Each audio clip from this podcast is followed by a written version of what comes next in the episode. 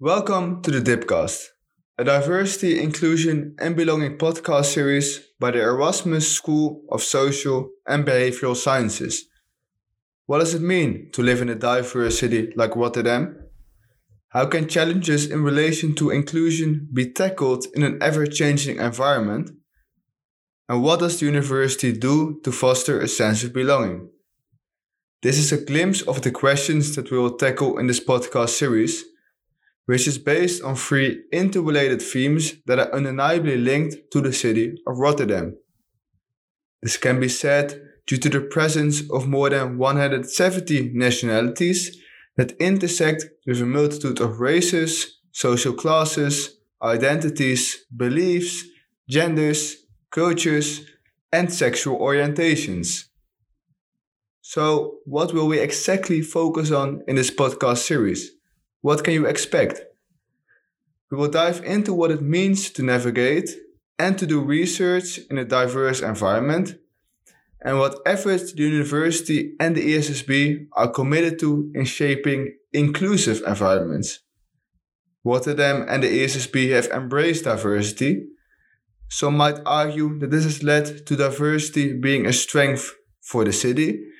Others might state that there is still a lot of work to be done in this podcast, we give room to different voices and perspectives.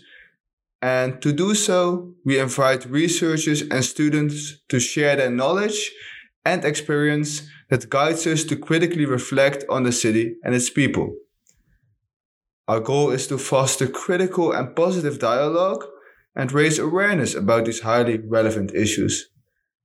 This podcast therefore also functions as an open platform for stu- students and staff to create podcasts in which there's room for reflexivity.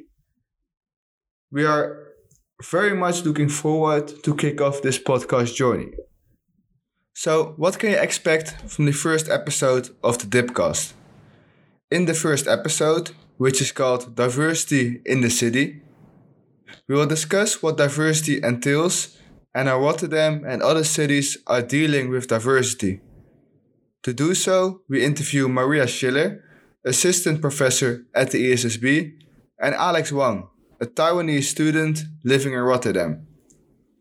In this episode, you will therefore learn more about how diversity came to be the relevant topic that it is today, and how diversity policies have changed over the years.